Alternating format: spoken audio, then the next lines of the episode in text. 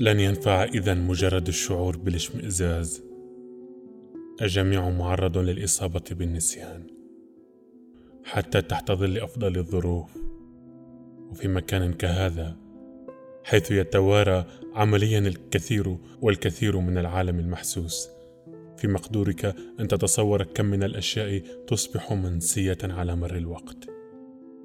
وفي النهاية لا تنحصر المشكلة تماما في أن الناس تنسى. المشكلة أنهم لا ينسون دائما الشيء نفسه.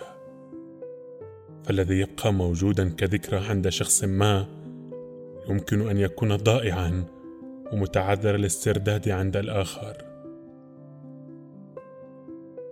وهذا ينتج عنه بالتالي صعوبات حواجز متماسكة ضد الفهم.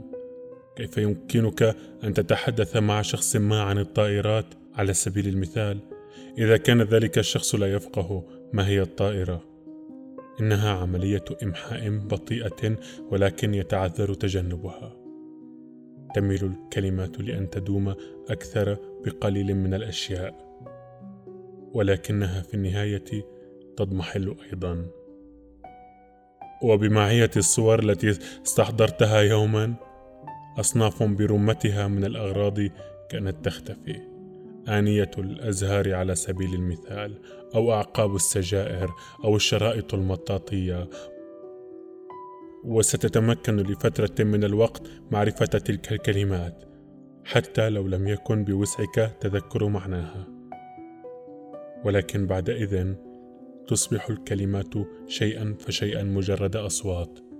مجموعة عشوائية من المخارج الصوتية العليا والحروف الاحتكاكية عاصفة من الفونيمات المدومة. ويغدو الأمر في النهاية ركام بربرة.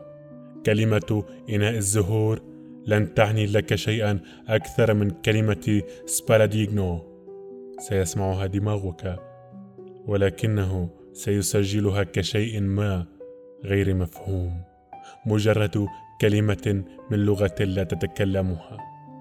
وفيما يبرز حولك المزيد والمزيد من هذه الكلمات الغريبة الواقع تغدو المحاورة في الحقيقة عسيرة.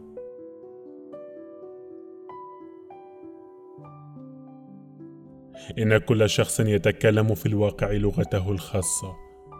وفيما تضمحل كثافة التفاهم المشترك فإن مشقة التواصل مع أي واحد تغدو أكثر فأكثر حدة. اضطررت إلى التخلي عن فكرة العودة إلى الديار وبين معظم الأمور التي كانت قد جرت لي حتى ذلك الوقت أعتقد أن تقبل هذا كان الأشد وقعا علي. حتى ذلك الوقت كنت قد ضللت نفسي بأنه بوسعي العودة وقت ما أشاء ولكن مع ارتفاع السور البحري الآن ومع حشد هذا العدد الكبير من الأشخاص لمنع المغادرة فإن هذه الفكرة المعزية تحطمت واستحالت نثارا.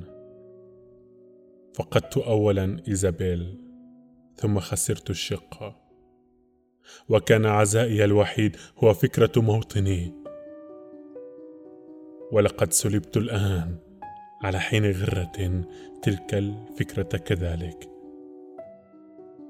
لأول مرة منذ قدومي إلى المدينة كنت مغمورة بالتشاؤم.